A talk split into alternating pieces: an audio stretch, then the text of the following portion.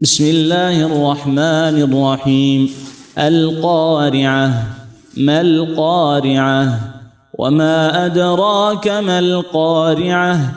يوم يكون الناس كالفراش المبثوث وتكون الجبال كالعهن المنفوش. فأما من ثقلت موازينه فهو في عيشة راضية.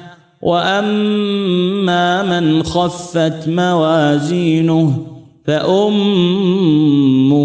هاوية. وما أدراك ما هي. نار حامية. بسم الله الرحمن الرحيم. ألهاكم التكاثر حتى زرتم المقابر. كلا سوف تعلمون ثم كلا سوف تعلمون كلا لو تعلمون علم اليقين لترون الجحيم ثم لترونها عين اليقين ثم لتسألن يومئذ عن النعيم. الحمد لله الذي خلق فسوى وقدر فهدى وأخرج المرعى فجعله غثاء أحوى اللهم لك الحمد على نعمك الظاهرة والباطنة التي لا تعد ولا تحصى. الصلاة والسلام على النبي المصطفى والرسول المجتبى وعلى آله وأزواجه وأصحابه ومن بأثره اقتفى. أما بعد فمعنا في هذا المجلس تفسير سورة القارعة وتفسير سورة التكاثر. أما سورة القارعة فهي مكية بإجماع حكاه جمع ابن الجوزي وابن عطية والقرطبي والألوسي والطاهر بن عاشور فهي سورة قد نزلت قبل الهجرة. على خلاف في عدد آياتها قال في روح المعاني وآيها إحدى عشرة آية في الكوفي وعشر في الحجازي وثمان في البصري والشامي. وليس هذا لزيادة آيات أو نقصانها وإنما في اعتبار المواقف. هل القارعة ما القارعة؟ آية أو هما آيتان؟ أو هي مع قوله وما أدراك ما القارعة كلها آية واحدة. وارتباط هذه السورة بما قبلها واضح. فإن ربهم بهم يومئذ هو يوم القارعة ويوم القيامة. وأما سبب تسميتها فهو من الآيات الأولى فإن هذه الكلمة تكررت في أول ثلاث آيات. والقارعة اسم فاعل من قرع بمعنى طرق ودق. ولا شك أن المراد بالقارعة يوم القيامة. القارعة هي يوم القيامة وعلى ذلك عامة المفسرين. عليكم السلام لأنها تقرع القلوب والأسماع ولما فيها من الأهوال لكن ليبشر المؤمن. قال تعالى من جاء بالحسنة فله خير منها وهم من فزع يومئذ آمنون. لا شك أن المراد بالقارعة يوم القيامة وقيل صيحة النفخ في الصور وقيل النار كما في البحر المحيط لكن الأول هو الأشهر وعليه عامة المفسرين. وعندما يعظم الشيء تكثر أسماؤه وكل اسم من أسماء يوم القيامة يحمل وصفا من أوصافها. يساعدك على تصور هذه القارعة لماذا هي قارعة؟ فمن أسماء يوم القيامة تفضل عبد العزيز. سؤال مبارك. القارعة طيب أحسنت. التغابن أحسنت. طيب الأسماء كثيرة في كتاب الله عز وجل كما تعلمون. الواقعة الساعة الحاقة الصاخة الطامة الكبرى الغاشية النبأ العظيم يوم التغابن يوم التناد يوم الدين. هذه عشرة. يوم الفصل يوم الجزاء الآن في يوم الجزاء ما أذكر لكن يوم الآزفة يوم البعث يوم الخروج والاسم الأشهر. ذكرنا يوم الدين. يوم الدين هو يوم الجزاء والحساب. والاسم الأشهر هو الخامس عشر يوم القيامة. يوم يقوم الناس من قبورهم لرب العالمين. قال تعالى القارعة هذا مبتدأ. ما جوابه؟ جوابه ما القارعة؟ يعني جملة كبرى في ضمنها صغرى لأن ما القارعة مبتدأ وخبر والمبتدأ والخبر هو خبر للمبتدأ الأول. ما اسم استفهام هو مبتدأ والقارعة خبره يعني أي شيء هذه القارعة؟ ثم قال وما أدراك ما القارعة فهذا فيه زيادة تفخيم وتعظيم لهذا الأمر. والضمير في وما أدراك؟ إما أن يرجع للمخاطب ما أدراك يا من تسمع هذا الكلام؟ أو يرجع للنبي صلى الله عليه وسلم الذي هو أول مخاطب طرق هذا الكلام سمعه ولا شك أن الأول أعم ولا ينافي الثاني بل يشمله أليس كذلك؟ وهذا كقوله تعالى بسم الله الرحمن الرحيم الحاقة ما الحاقة؟ وما أدراك ما الحاقة ثم قوله تعالى يوم يكون الناس كالفراش المبثوث هل هو إخبار عن القارعة أو ليس كذلك اتجاهان لأهل العلم. منهم من يقول سكت عما القارعة لماذا؟ لكي يسرح الذهن ويذهب القلب فيه كل مذهب ويكون هاجسا وشاغلا له. ومنهم من قال بل الجواب في قوله يوم يكون الناس كالفراش المبثوث وهذا راجع في الحقيقة إلى الإعراب. فإنه لا شك إذا وجدت قراءة يوم فسيكون الأمر محسوما. هي قراءة زيد بن علي. يوم يكون الناس كالفراش المبثوث تكون يوم خبر لمبتدئ محذوف. هي يوم يعني القارعة يوم. لكن نتكلم عن القراءة المشهورة العامة وهي يوم بالنصب. قال العكبري يوم يكون العامل فيه القارعة أو ما دلت عليه. وقيل التقدير اذكروا القارعة يوم يكون. معنى هذا الكلام القارعة يوم يكون فهي ظرف للقارعة.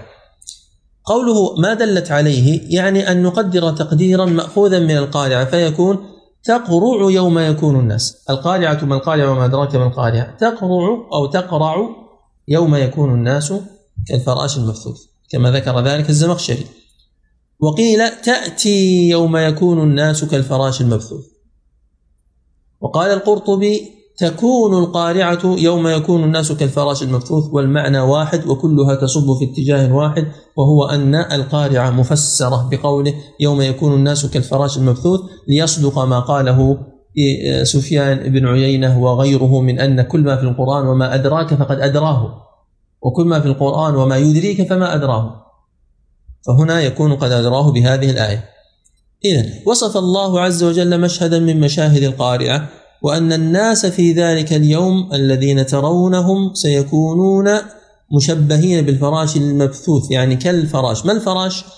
الفراش الحشرة والطير الصغير وغوغاء الجراد وهمج البعوض ونحو ذلك مما قال علماء التفسير مما يتطاير ويتساقط في النار وفي السراج ونحو ذلك فإنه يتحرك بغير انتظام لذلك قال كالفراش المبثوث يعني المتفرق يجيئون ويذهبون على غير نظام كما قال ابن عطية.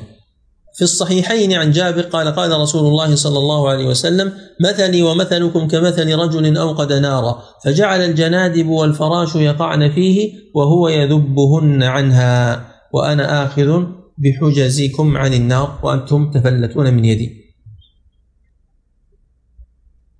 هذا متفق عليه من حديث ابن هريرة وفي صحيح مسلم من حديث جابر. طيب ولذلك يضربون به المثل كثيرا في الطيش ولا نريد أن نذكر بيت الذي ذكره في البحر المحيط بيت الفرزدق ويغني عنه البيت الذي ذكره القرطبي. طويش من نفر أطياش أطيش من طائرة الفراش. يعني هذا الشاهد لضرب المثل في ماذا؟ في الطيش بالفراش. طيب فشبههم الله عز وجل بماذا؟ بالفراش المبثوث. هذا يفيد عدم النظام كما ذكرنا في الحركة وفي الوجود. ألم يقل سبحانه وتعالى في سورة القمر؟ كأنهم جراد منتشر. شبههم بأسراب الجراد والجراد يتوجه بشكل منتظم. الأمر المشترك بينهما منتشر ومبثوث يعني في كثرة. لكن الأمر المختلف أن الفراش غير منتظم والجراد منتظم. فكيف الجمع بينهم؟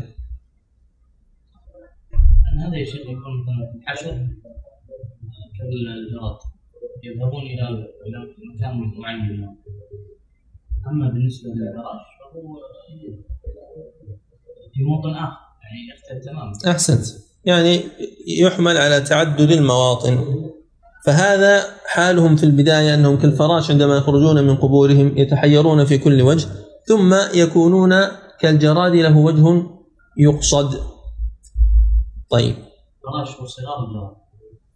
آه، جاء عن العلماء في هذا كلمات كثيرة غوغاء الجراد والطائر الذي يتساقط في النار وهمج الطائر من البعوض ونحوه والمقصود الحشرات الصغيرة. والإنسان عندما يوقد النار في البر يجد هذا واضحا. يجد بعض الحشرات سواء كانت من جنس واحد أو من أجناس مختلفة تتطاير لأنها ترى هذا الضوء وهذا التوهج فيعجبها ولا تعرف أن فيه هلاكها نعم وهذا هو معنى المثل. فالناس يسيرون لما يضرهم وهم لا يعلمون. تغرهم الدنيا ويغرهم الشيطان. أقصد في الحديث وليس في الآية. إنما التمثيل في الآية بالكثرة وبالوصف المذكور وهو المبثوث. وتكون الجبال كالعهن المنفوش. هذه الجبال الراسية العظيمة تكون في ذلك اليوم المهيب اليوم العظيم كالعهن أي كالصوف. وقيل الصوف الملون المصبوغ. المنفوش أي الممزق المتفرق الأجزاء الخفيف. وهذا بلا شك ينافي صفتها المعروفة المعهودة لأن القصد من هذه الصفة قد زال وانتهى. ليس المراد الآن رسو الأرض وإنما إزالة وإبادة هذه الأرض وتبدل غير الأرض. والسماوات وبرزوا لله الواحد القهار. كما قال تعالى في آيات كثيرة يصف الجبال ذكرناها فيما سبق. قال تعالى وترى الجبال تحسبها جامدة وهي تمر مر السحاب. صنع الله الذي أتقن كل شيء. عندما سأل أحد الأخوة نقول نحن نرى الجبال راسية فكيف تصف الآية بأنها تمر مر السحاب؟ فقلت له اقرأ الآية التي قبلها. يوم ينفخ في الصور. فهذا المراد به أنك ترى الجبال في ذلك اليوم وليس في الدنيا.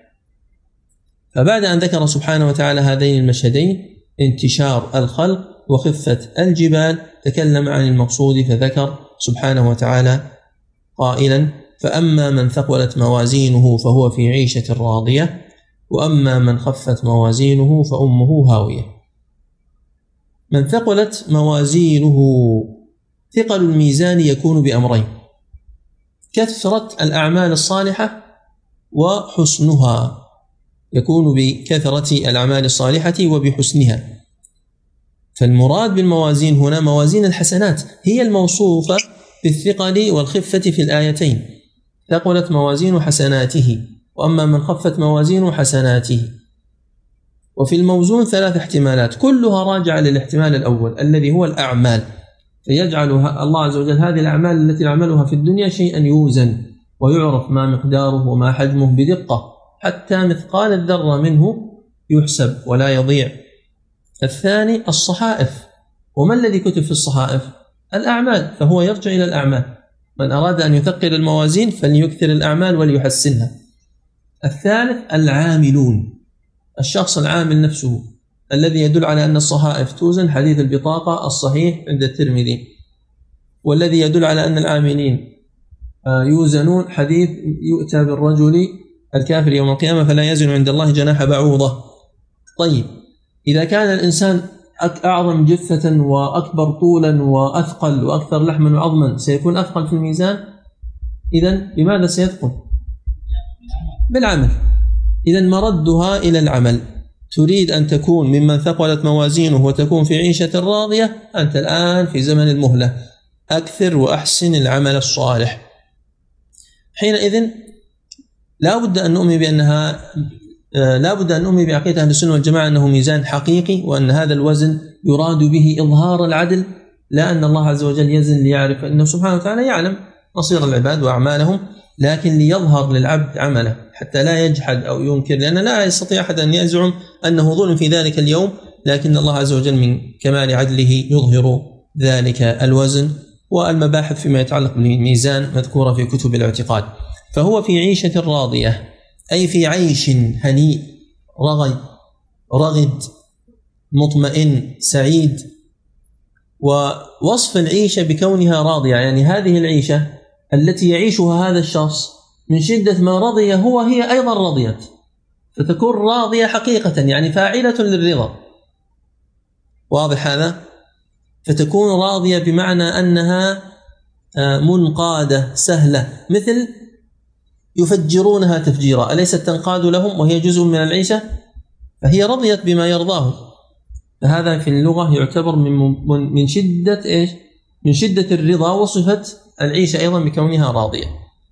والقول الثاني وهو المشهور عند علماء التفسير أن فاعلة بمعنى مفعولة فهي عيشة مرضي صاحبها مرضي عنها يرضاها صاحبها فهي عيشة مرضي عنها ومرضي بها يرضاها صاحبها فالفاعل هو صاحب العيشة وهي مفعولة. ثم ذكر سبحانه وتعالى الفريق الذي يقابل هذا الفريق أعاذنا الله وإياكم ووالدينا وأحبابنا منهم. قال وأما من خفت موازينه يعني أتي بأعماله فوجدت خفيفة لا تثقل الميزان ضعيفة ها؟ عنده معاصي أو عنده تقصير في الواجبات هذه المعاصي رجحت بحسناته فخفت موازينه. فما المصير؟ ما جواب أما فأمه هاوية. قوله فأمه هاوية فيه ثلاثة أقوال كلها حق. الأول وهو الأشهر فمسكنه ومستقره ومصيره جهنم. سميت أما له لأنه يأوي إليها كما يأوي الإنسان إلى أمه. قال أمية بن أبي الصلت فالأرض معقلنا وكانت أمنا فيها مقابرنا وفيها نولد. ولماذا سميت جهنم هاوية؟ لبعد قعرها. كما جاء في صحيح مسلم عن أبي هريرة رضي الله عنه قال كنا مع رسول الله صلى الله عليه وسلم إذ سمع وجبة. ما معنى وجبة؟ نعم يعني سقطة. وجب وجيبا بمعنى سقط سقوطا كما قال تعالى وجبت جنوبها. فقال النبي صلى الله عليه وسلم تدرون ما هذا؟ معناه أن الصحابة سمعوا أيضا. الجميع سمع هذا الشيء مع أنه من عالم الغيب لكن الله عز وجل يظهر من عالم الغيب ما يشاء متى شاء كيف شاء. تدرون ما هذا؟ قال قلنا الله ورسوله أعلم. قال هذا حجر رمي به في النار منذ سبعين خريفا فهو يهوي في النار. الآن حتى انتهى إلى قعرها. وعند أحمد فالآن انتهى إلى قعرها. إذا كان يعني هذا قعر جهنم سبعين خريف يهوي الإنسان فيها فما بالك بمن تكون مأواه وأمه؟ إذا هذا هو القول الأول وقال به كثير من أهل التفسير عليه السلام القول الثاني فأمه هاوية أي أم رأسه هاوية. يعني يهوي في النار على أم رأسه وليس على رجليه أو على أحد أعضائه أو جنبيه وإنما على رأسه يهوي هويا بقوة. القول الثالث أنها كلمة عربية. كان الرجل إذا وقع في أمر شديد قالوا هوت أمه فهي هاوية يعني ثاكلة. فيكون المراد بذلك التعبير عن سوء مصيره. يعني أنها كلمة فأمه هاوية يعني مثل فويل له. كلمة تدل على أنه خسر وحبط وأنه ذهب إلى مكان سيء. هوت أمه. أنا ذكرت أن كل الثلاثة متقاربة.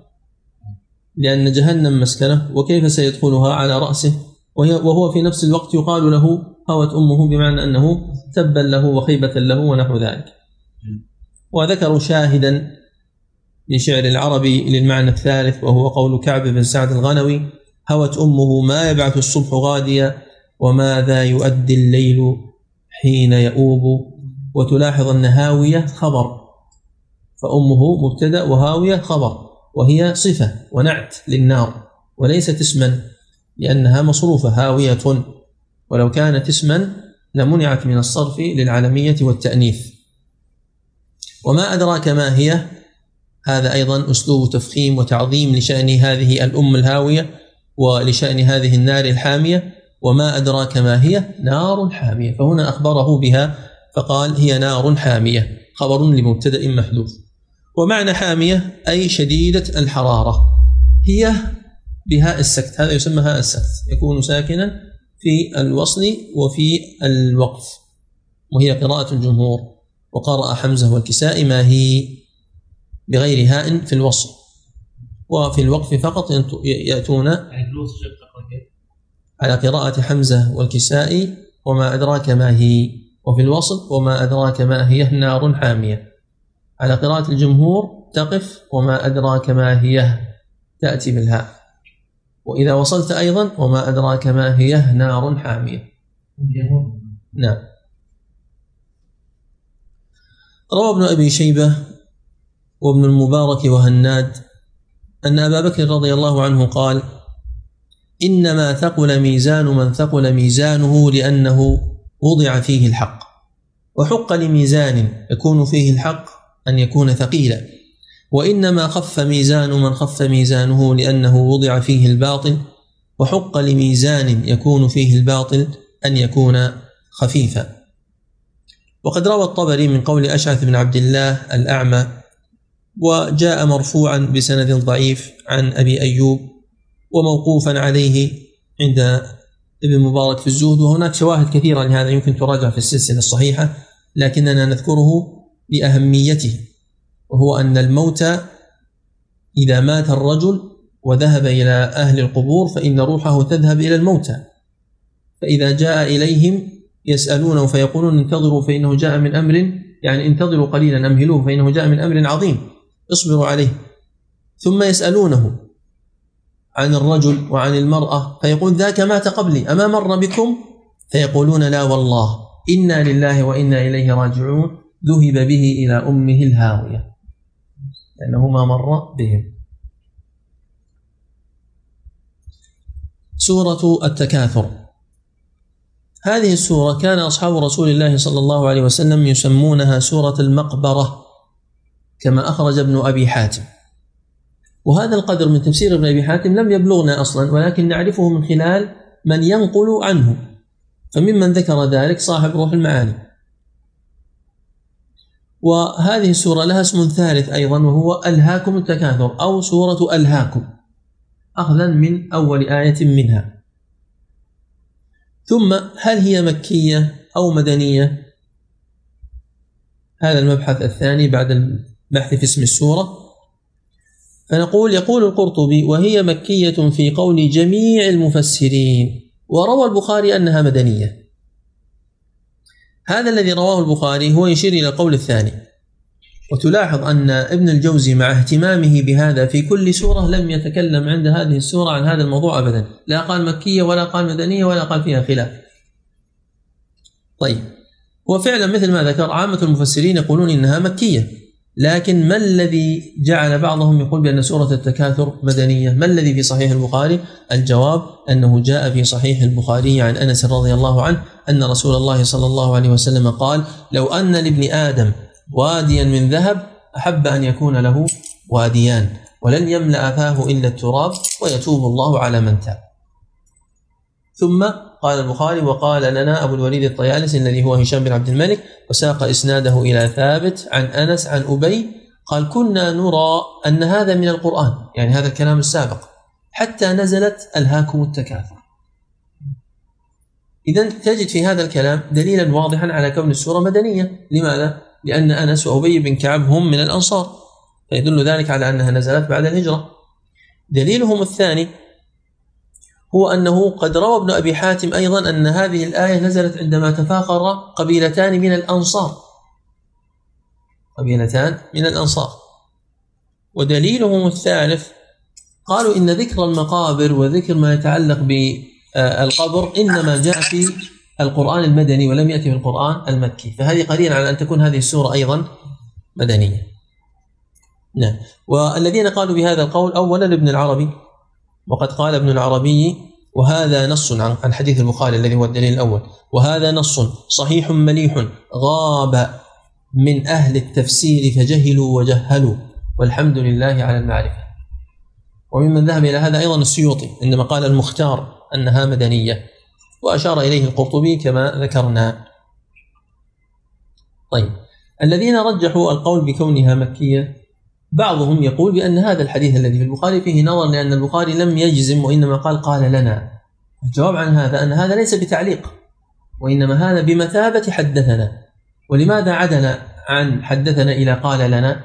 إما لكونه أثرا أو لكونه ليس على شرطه. سمعه في مجلس المذاكرة وليس في مجلس التحديث. ولكن هذا لا يعني أن بين هشام بن عبد الملك وبين البخاري أحدا فإنه شيخه المباشر وهو يقول قال لنا. فمن الذي سيسقط؟ البخاري ليس بمدلس. فهذا لا يسمى معلقا وإنما يسمى ويعتبر إيش؟ مسندا كما رد على ابن حزم عندما ادعى التعليق في مثل هذا. قال تعالى بسم الله الرحمن الرحيم ألهاكم التكاثر. ألهاكم بمعنى شغلكم وأنساكم التكاثر. والتكاثر يحتمل معنيين. المنافسة في التكاثر أو أن يستكثر الإنسان مما يشغل عن الآخرة حتى لو لم ينافس غيره في ذلك. تلاحظ أن التكاثر اسم مصدر من كاثر وفيه معنى المفاعلة ضارب وقاتل ونافس كلها تكون بين اثنين. وهذا يؤيد ما جاء بلا إسناد فيما أعلم من أنها نزلت في حيين قيل من الأنصار وقيل من قريش بني عبد مناف وبني سهم أنهم في الجاهلية تكاثروا بماذا؟ بالسادة وبالأشراف. فهذا يقول نحن أكثر سيدا وهؤلاء يقول نحن أكثر سيدا نحن أكثر عزيزا ونحن أكثر عزيزا وهكذا حتى تكاثروا بالأموات. فجاءت ألهاكم التكاثر حتى زرتم المقابر يعني حتى وصل التفاخر بالأموات الذين في المقابر. فهذا يؤيد أن التكاثر في التنافس في هذا المجال. وأما المعنى الآخر فهو التكاثر بكل ما يشغل. أن يتكاثر الإنسان يعني يستكثر من الشيء الذي يشغله عن ذكر الله عز وجل وعن الدار الآخرة. كل ما يشغل عن الله لذلك حدث ما قال ألهاكم التكاثر بكذا ليكون شاملا عاما. وأكثر ما يذكره المفسرون قالوا التكاثر أي من الأموال والأولاد. لأن الإنسان يستكثر بالمال ويشتغل به ويكون نهاره في العمل وليله قلبه مشغول بما سيعمله في الغد وبما عمله في الأمس وبتقاضي الأموال وكيف سيذهب إلى فلان يعني يشغل باله. وكذلك الأولاد إذا كثروا يشغلون باله.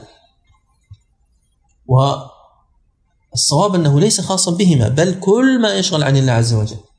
ففي نطاق طلاب العلم مثلا التكاثر بالمحفوظات التكاثر بالشيوخ التكاثر بالكتب. وفي عصرنا هذا التكاثر بالأتباع والمشاهدات وغير ذلك. وأنا أضرب الآن مثلا حتى يكون إيش؟ الأمر أوضح وأقرب للذهن. يخبرنا أحد الإخوة من غير هذه المنطقة أنه حصل دورة من الدورات فذهب هو وفلان شخص آخر أعرفه من أهل الفضل إلى تلك الدورة وسكنوا في مكان مع أناس لا يعرفونهم ذوي عدد. فكان أولئك يفردون عليهم عضلاتهم. هذا يقول أنا عندي كذا قراءة وقرأت على فلان وفلان وفلان ويعدد قراءاته.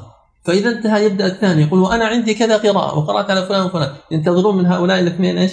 ماذا عندكم من القراءات؟ أنتم هذا أليس من التكاثر؟ هذا من التكاثر. وأنا عندي كذا شيخ وأنا عندي كذا نسخة وأنا عندي التكاثر كله داخل في ألهاكم التكاثر. حتى إن أحد السلف عندما جمع حديثا من أكثر من 200 طريق رأى في المنام من يقول له ألهاكم التكاثر ماذا تحتاج؟ حديث ثبت وانتهى الأمر تجمع من 200 طريق لماذا؟ ألهاكم التكاثر فإن قال قال إنه قد جاء في صحيح مسلم أن النبي صلى الله عليه وسلم قال استكثروا من النعال أمر بالتكاثر بأمر من الدنيا أليس كذلك؟ كيف نوفق؟ إذا استكثرت من النعال سيلهيني جاوب شيخ النعال يمكن. أدنى الأمور. وأخص ما ما يمكن أن يشوف. بعدين إذا لبست واحد خلاص. أنت تفكر اثنين جيد.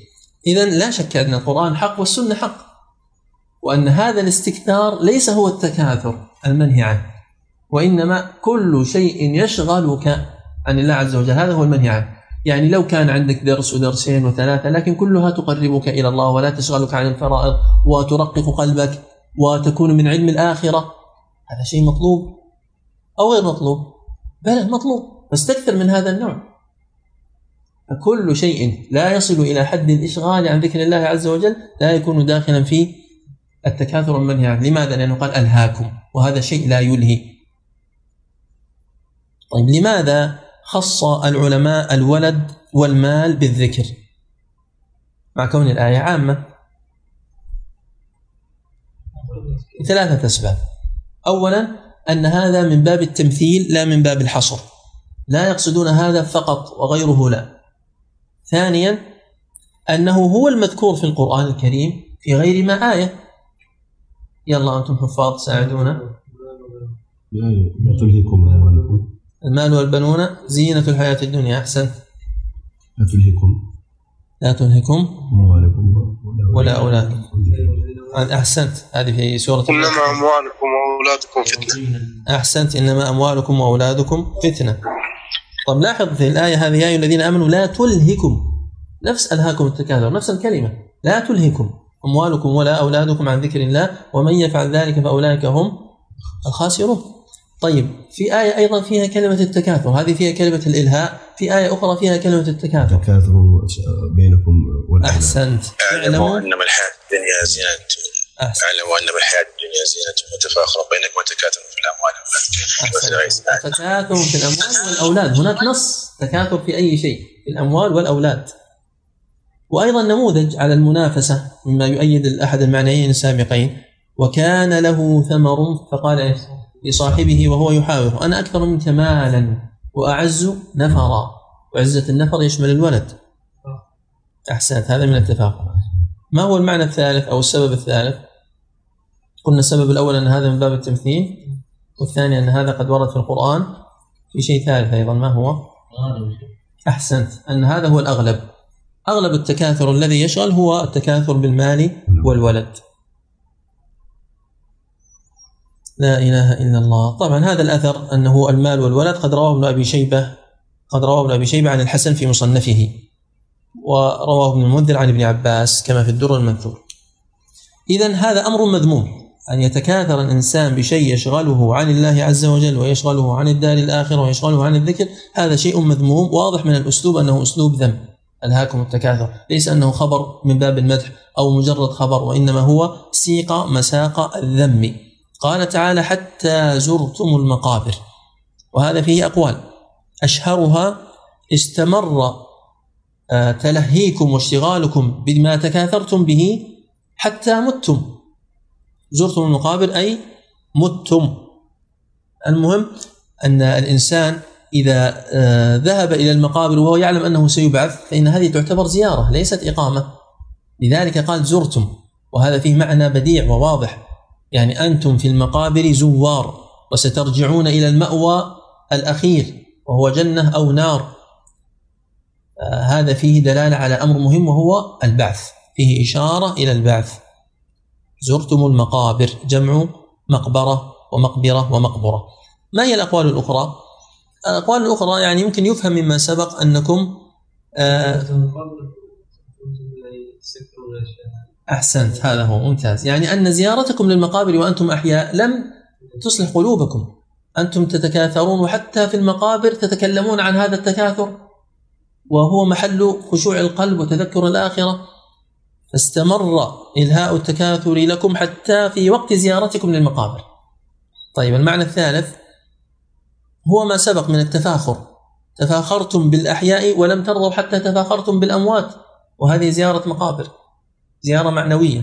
وإن كان هذا أبعد الأقوال والقولان السابقان يكفيان. قال قتادة كانوا يقولون نحن أكثر من بني فلان ونحن أعد من بني فلان وهم كل يوم يتساقطون إلى آخرهم والله ما زالوا كذلك حتى صاروا من أهل القبور كلهم. هذا يؤيد أي المعاني الثلاثة؟ أول الأول أحسنت. أنهم اشتغلوا بذلك حتى زاروا القبور يعني حتى ماتوا. ألهاكم التكاثر حتى زرتم المقابر. وذكر هنا القرطبي كلاما جميلا في مشروعية زيارة المقابر. وقول النبي صلى الله عليه وسلم كنت نهيتكم عن زيارة القبور فزوروها فإنها تذكركم الآخرة وتذكر الموت. وأصله في صحيح مسلم.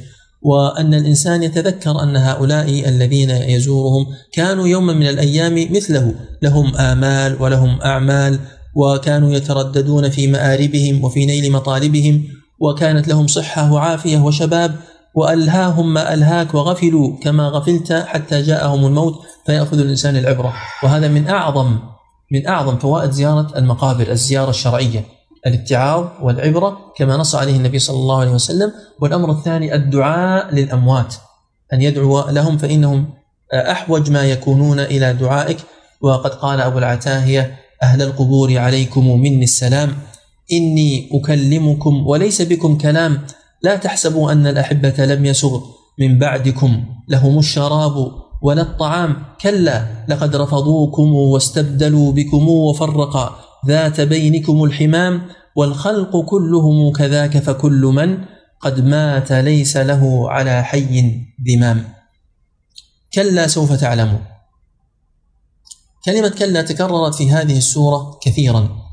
فذهب بعضهم إلى أنها بمعنى حقا وذهب آخرون إلى أنها زجر وردع وتنبيه وذهب طائفة ثالثة إلى أنها حرف تنبيه بمعنى ألا وهو قريب من السابق. كلا سوف تعلمون. سوف تعلمون ماذا؟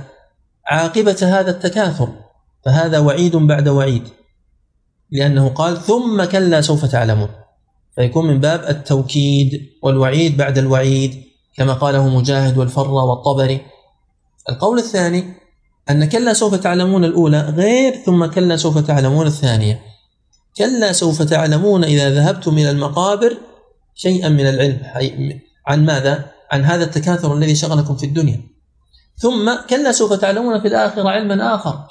علما معه مزيد عرض بصحف وموازين وتأتيكم أعمالكم ويأتيكم بعض ما كنتم تبخلون به الزكاة وغير ذلك؟ فسينتقل العلم من كونه امرا نظريا إلى كونه امرا معاينا حسيا مشاهدا وليس الخبر كالمعاينه كما رواه ابن حبان وصححه وهو كذلك. والقول الثالث كلا سوف تعلمون إذا نزل بكم الموت وجاءتكم الرسل ثم كلا سوف تعلمون إذا دخلتم القبور. والقول الرابع كلا سوف تعلمون عند النشور ثم كلا سوف تعلمون يوم القيامة. والقول الخامس كلا سوف تعلمون أيها الكفار. ثم كلا سوف يعلمون أي المؤمنون. هذه قراءة الضحاك. إذا هذه أوجه كلها أو بعضها آه، يعني إذا استثنينا القراءة الأخيرة أن هذا متعلق بقراءة الضحاك فالمعاني الأخرى معاني كلها حق إما على التغاير أو على التأكيد. كلا لو تعلمون علم اليقين.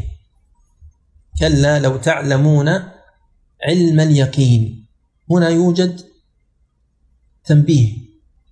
يعني كلا لو تعلم أيها المخاطب لو تعلمون أيها البشر لو تعلمون أيها المتشاغلون بهذا التكاثر. علم اليقين لما كان الأمر على ما أنتم عليه. وإنما علمكم متفاوت لذلك أعمالكم متفاوتة على متفاوتة على تفاوت علمكم. خبر لو محذوف. كلا لو تعلمون علم اليقين لشغلكم ذلك عن التكاثر بالدنيا أو لكان الأمر فوق الوصف ولعلمتم أمرا عظيما ولألهاكم عما ألهاكم. فإن الالتهاء بالتكاثر إنما وقع من الغفلة وعدم اليقين. هكذا قال ابن تيمية عدم اليقين. لكن نستطيع أن نوسع أكثر كما قال الغزالي عدم اليقين أو ضعف اليقين أو قلة اليقين. وله كلام جميل في ذلك لأنه هذا اليقين الذي تكرر في هذه السورة على صور. يطلق بمعنيين. المعنى الأول اليقين الذي هو عدم الشك. لأن ميل النفس إلى التصديق إما أن يكون مع تساوي اعتدال التصديق مع التكذيب فهذا يسمى الشك. كأن أسألك عن شخص معين مجهول بالنسبة لك.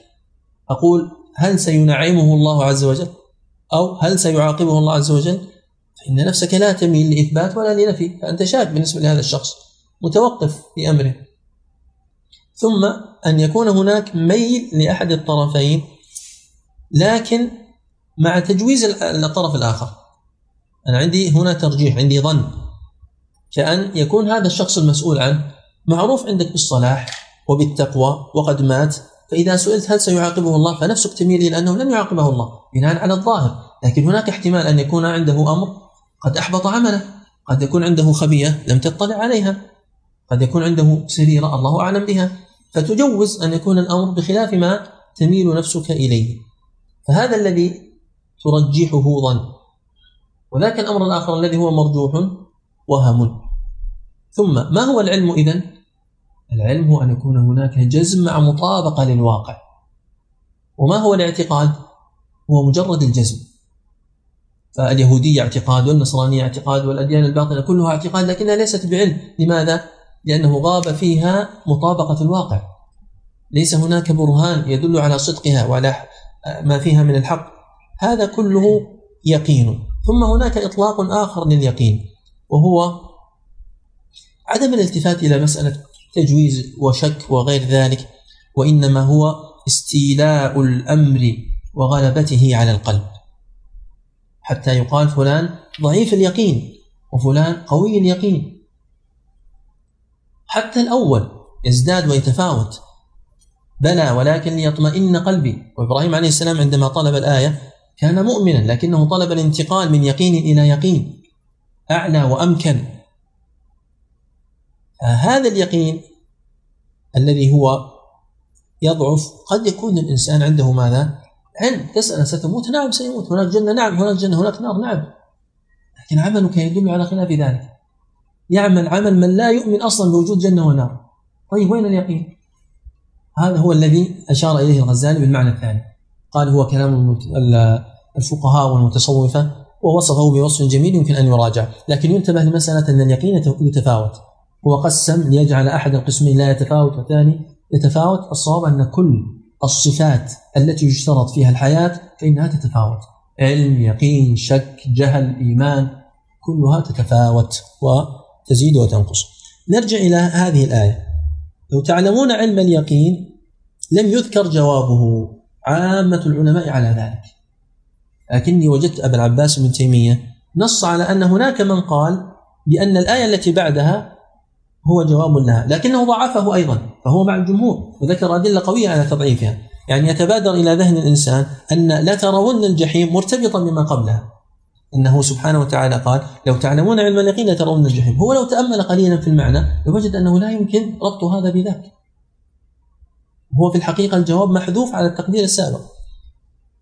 وهو لو تعلمون علم اليقين لعلمتم امرا عظيما ولما تكاثرتم ونحو ذلك.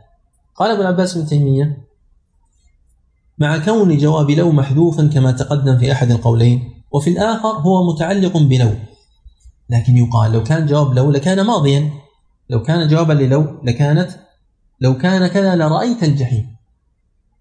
واضح؟ ثم الأمر الآخر وهو أنه لا يفيد كثيرا أن يكون هذا جوابا لذاك. لماذا؟ لأنه هو هو في المعنى. فهو قد بين أن هذا الاحتمال وإن قيل به لكنه مرجوح. قال والأول هو المشهور. ومن المفسرين من لم يذكر سواه وهو الذي أثروه عن متقدميه. وذكر أنه هو الحق أن الجواب محذوف. إذا لترون الجحيم ما هو؟ هذه اللام موطئة لجواب قسم محذوف يعني والله لترون الجحيم. كون الكافر يرى الجحيم هذا لا إشكال فيه لأنه ليس فقط سيراه بل سيصلاه. لكن ما بالنا نحن؟ نعوذ بالله عز وجل من الجحيم. نقول تذكر قوله تعالى وإن منكم إلا واردها كان على ربك حتما مقضيا. فهذا الورود فيه رؤية ولا شك مهما كان معناه. سواء قيل بمعناه أنه دخول أو مرور فحينئذ يأتي هذا. لترون الجحيم الذي هو مصير الكفار. لترون الجحيم بعض الناس ما يستطيع ينطقها هنا لأن الواو مضمومة. إما أن يهمز وإما أن يغير فلعلكم تتدربون على النطق الصحيح. نسأل فقط عبد العزيز قراها لترون الجحيم. أحسنت. ممتاز. ثم لترونها عين اليقين. إذا هذا فيه تأكيد وفيه تخويف ووعيد وفيه أن الرؤية الثانية فيها مزيد علم أنها ستكون عين اليقين. إذا ما معنى عين اليقين؟ يا الله. ها؟ معاينة مباشرة. طيب ليش ما تكون لترونها علم اليقين؟ يعني سبق معنا علم اليقين وهنا عين اليقين. السؤال ما ما الفرق بينهما؟ وأيضا عندنا عندنا في سورة الواقعة أمر ثالث. إن هذا لهو حق اليقين. يقين حق اليقين. نعم. علم اليقين حق اليقين و... وعين اليقين. وعين اليقين. حق اليقين هو هو هو على طيب جيد. بعدها وادناها أدناها علم اليقين. وبينهما؟ عين اليقين. طيب أنتم أتيتم بالترتيب بقي المعنى. المعنى علم اليقين هو ما سبق. لا يكون عند الإنسان شك. وهذا العلم قد يستفاد بالسماع والخبر والقياس والنظر. يعني ثم يزداد. فالذي يصل إلى عين اليقين هو لابد عنده علم اليقين. لا يمكن أن يكون عند الإنسان عين يقين وليس عنده علم اليقين. لأن لأن عين اليقين فيها معنى العين وهو أنه مشاهدة وإبصار ليس مجرد إخبار. ثم يزداد الأمر بالمباشرة والمداخلة فيصل إلى درجة حق اليقين بأن يجده ويذوقه ها؟ ويدخل فيه وليس مجرد رؤية. ويرتضي. نعم. قد يرتضي به وقد لا يرتضي به لأنه قد يدخل النار وهو لا يريد ذلك طبعا. قال ابن تيمية مثال ذلك من أخبر أن هناك عسلا وصدق المخبر فالآن عنده إيش؟ علم اليقين أو رأى آثار العسل هو لم يرى العسل لكن رأى آثاره فاستدل به على وجوده. فحينئذ إيش؟ عنده علم اليقين ما زال في دارة علم اليقين. والثاني الذي هو عين اليقين مثل من رأى العسل وشاهده وعاين الآن انتقل الأمر ليس مجرد علم وإنما عين اليقين. كما قال النبي صلى الله عليه وسلم ليس الخبر كالمعاين. والثالث مثل من ذاق العسل ووجد طعمه وحلاوته. ومعلوم أن هذا أعلى مما قبله ولهذا يشير أهل المعرفة إلى ما عنده من الذوق والوجد.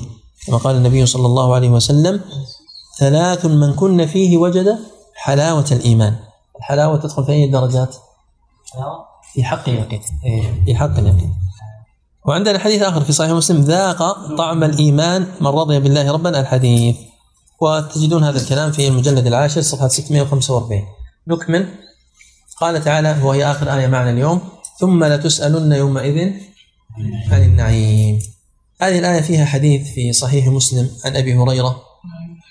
قال خرج رسول الله صلى الله عليه وسلم ذات يوم أو ليلة فإذا هو بأبي بكر وعمر فقال ما أخرجكما من بيوتكما هذه الساعة؟ قال الجوع يا رسول الله. قال وأنا والذي نفسي بيده لأخرجني الذي أخرجكما. قوموا. فقاموا معه. فأتى رجل من الأنصار ما اسمه؟ أبو الهيثم ابن التيهان أبو الهيثم ابن التيهان فإذا هو ليس في بيته. فلما رأته المرأة قالت مرحبا وأهلا. فقال لها رسول الله صلى الله عليه وسلم أين فلان؟ قالت ذهب يستعذب لنا من الماء. إذ جاء الأنصاري فنظر إلى رسول الله صلى الله عليه وسلم وصاحبيه ثم قال الحمد لله. ما أحد اليوم أكرم أضيافا مني. فانطلق. نعم هو أبو الهيثم فانطلق فجاء بعذق فيه بسر ورطب وتمر فقال كلوا من هذه. وأخذ المدية. ما هي المدية؟ السكين. فقال له رسول الله صلى الله عليه وسلم إياك والحلوب. فذبح لهم فأكلوا من الشاة ومن ذلك العذق وشربوا. فلما أن شبعوا ورووا قال رسول الله صلى الله عليه وسلم لأبي بكر وعمر والذي نفسي بيده لتسألن عن هذا النعيم يوم القيامة. أخرجكم من بيوتكم الجوع ثم لم ترجعوا حتى أصابكم هذا النعيم. اللهم. إذا كان هذا في وجبة واحدة فكيف بالنعيم المتتابع الذي نحن فيه؟ السؤال حاصل لا محالة. لتسألن هذا في تأكيد. لتسألن لا مثل السابقة. يعني والله لتسألن. وهذه مسألة مجازاة ومحاسبة واختبار ونظر في الشكر من عدمه. لذلك قال أبو العباس لتسألن عن النعيم أي عن شكره. ثم ما هو هذا النعيم؟ كل ما قاله العلماء في هذا هو من باب اختلاف التنوع لا من باب الحصر واختلاف التضاد. فلا يعني أنه يسأل عن نعمة معينة أنه لن يسأل عن الأخرى بل سيسأل عن الجميع. ولذلك قال ابن الجوزي والصحيح أنه عام في كل نعيم وعام في جميع الخلق. ليس لتسألون يعني الكفار فقط أو المؤمنون فقط. لماذا؟ لأن النبي صلى الله عليه وسلم ذكر ذلك لأبي بكر وعمر وهم سادة المؤمنين ورؤوسهم وخيرهم بعد الأنبياء فكل نعيم سوف نسأل عنه. وأول ذلك النعيم المعنوي لأن النعيم إذا أردت تقسيمه نعيم معنوي ونعيم حسي. ثم كل منهما نعيم ظاهر ونعيم باطن كما في آية لقمان. فستسأل عن نعمة الإسلام نعمة السنة نعمة العلم نعمة القرآن نعمة الأمن والصحة والفراغ نعمة الحواس. هل شكرنا الله عز وجل على هذه النعم التي ينبهنا عليها؟ قليلا ما تشكرون. جعل لكم سمع وجعل لكم أبصار وجعل لكم أفئدة. من منا شكر الله عز وجل على هذه النعم؟ والمأكول والمشروب هذا واضح بنص الحديث. نعمة الماء البارد. نعمة الصحة والعافية وطيب النفس النوم نعم كثيرة نغفل فيها بحمد الله عز وجل ونسأل الله عز وجل أن يغفر لنا تقصيرنا وأن يوزعنا شكر نعمه. جاء في حديث رواه أحمد والترمذي وابن ماجه أيضا بإسناد حسن عن الزبير بن العوام رضي الله عنه قال لما نزلت ثم لتسألن يومئذ عن النعيم قال الزبير وأي نعيم نسأل عنه؟ وإنما هما الأسودان التمر والماء. قال صلى الله عليه وسلم أما إنه سيكون. أما إنه سيكون هذا الحديث حسن. أما إنه سيكون هذا كلام محتمل لوجهين. كلاهما يعني يعطي الأمر بال وأهمية. الاحتمال الأول إن السؤال كائن. عليكم السلام ورحمة الله. إن السؤال كائن ولو كان عن الأسودين. أما إنه سيكون يعني ستسأل حتى لو الأسودين. مع قله الشهاده أحسن. حقق ذلك يعني بكلامه. ها؟ حقق بكلامه سيكون. سيكون. الله. على الماء والتمر. لكن هناك احتمال. ثاني. الاحتمال الثاني أما إنه سيكون يعني سيفتح عليكم وستبسط لكم النعم. ها؟ سيكون. النعم التي ستسألون عنها سيكون. سيكون وستسألون عنها. نعم أعظم من هذا الذي سألت عنه. لأن بعض العلماء استنبط من قوله تعالى لآدم إن لك ألا تجوع فيها ولا تعرى وأنك لا تظمأ فيها ولا تضحى. أن الأشياء الأساسية ليس مما يسأل عنه الإنسان. كون الإنسان عنده ما يسد جوعه ويستر عورته وذكروا في ذلك أيضا حديثا مرفوعا يمكن أن يراجع أن هذا غير داخل في السؤال. لكن يؤيد الفهم الأول الحديث الصحيح أيضا الذي رواه الترمذي وصححه ابن حبان والحاكم أن النبي صلى الله عليه وسلم قال إن أول ما يسأل عنه يوم القيامة يعني العبد يقال له ألم نصح لك جسدك؟ ألم نصح لك جسمك؟ ونرويك من الماء البارد. نرويك هكذا الرواية مع أن النحو نرويك قد يكون هناك نسخة أو رواية. المهم أن الرواية هكذا. فهنا السؤال عن ماذا؟ أول سؤال لاحظ ألم نصح لك جسدك؟ يعني أعطيناك الصحة. نعمتان مغبون فيهما كثير من الناس. الصحة والفراغ. ونروك من الماء البارد. متى شكرنا الله على الماء البارد؟ متى استشعرنا أن هذا الماء البارد نعمة؟ يعني كأننا نقول إنه حق لنا واجب على الله. مو صحيح يا أخي. هذه نعمة فضل من الله. فهذا أول ما يحاسب عليه العبد من النعم الصحة والماء البارد. وأول ما يحاسب عليه من حقوق الله عز وجل الصلاة. وأول ما يحاسب عليه من حقوق المخلوقين الدماء. وبذلك تجتمع أدلة الباب.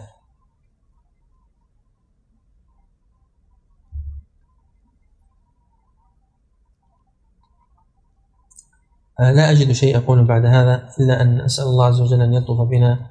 وفي هذه الساعة المباركة أن يجعلنا من الشاكرين لنعمه. وأن لا يؤاخذنا بتقصيرنا وتفريطنا. وأن يجمعنا وإياكم والدينا وأولادنا وأزواجنا وأخواننا وأخواتنا وعلماءنا وتلاميذنا في مستقر رحمته في الفردوس الأعلى من الجنة. صلى الله وسلم على نبينا محمد وعلى آله وأصحابه أجمعين. وإياكم. نعم آه، السؤال بالنسبة للسؤال آه، السؤال بارك الله فيكم آه، ما هو الحكم الفقهي الذي يمكن أن يستنبط من سورة الزلزلة استنبط من سورة الزلزلة حكما فقهيا. هذا سؤال اليوم. وأما السؤال الماضي فقد ما شاء الله يعني وصلتني أجوبة كثيرة من الإخوة وكلها أجوبة جيدة ذوات عدد. وهي في قوله تعالى وحصل ما في الصدور. لماذا خص الله عز وجل ما في الصدور بالذكر ولم يذكر الأعمال الظاهرة؟ أنت حضرت السؤال؟ عندك إجابة؟ لأن الشيخ يمكن السورة تتكلم عن هذا الشيء. السورة تتكلم؟ ختمت المناسبة. ان ربه بهم يومئذ لخبير. فهنا المناسبة. نعم. اسم الله الخبير. طيب نقول لا بأس جيد أحسن. أولا آه، لأنها تابعة لأعمال القلوب. أعمال الجوارح تابعة لأعمال القلوب. فإنه لولا تحقق البواعث والإرادات في القلوب لما حصلت أفعال الجوارح. وهذا الجواب زاد كما نقله آه، درويش في إعراب القرآن وبيانه. ثانيا أن الحكم في الدنيا للظواهر. فالمنافق يعامل معاملة المؤمن. أما في الآخرة فالمدار والجزاء على ما في القلب كما قال تعالى يوم تبلى السرائر. وهذا ذكره شيخنا ابن عثيمين رحمه الله. ثالثا أنه تنبيه أي مفهوم موافقة أولوي فإذا كان ما في الصدور محصلا فالظاهر من باب أولى فهو أيضا محصل. ويلاحظ أن كل ذلك فيما دخل في حيز المؤاخذة والتكليف كالاعتقاد وأعمال القلوب حسنها وسيئها. أما ما كان في حيز العفو فلا يدخل. كقوله تعالى ولا جناح عليكم فيما عرضتم به من خطبة النساء أو أكننتم في أنفسكم. وقال عليه الصلاة والسلام إن الله تجاوز عن أمتي ما حدثت به أنفسها ما لم تعمل أو تكلم كما رواه البخاري. وإياه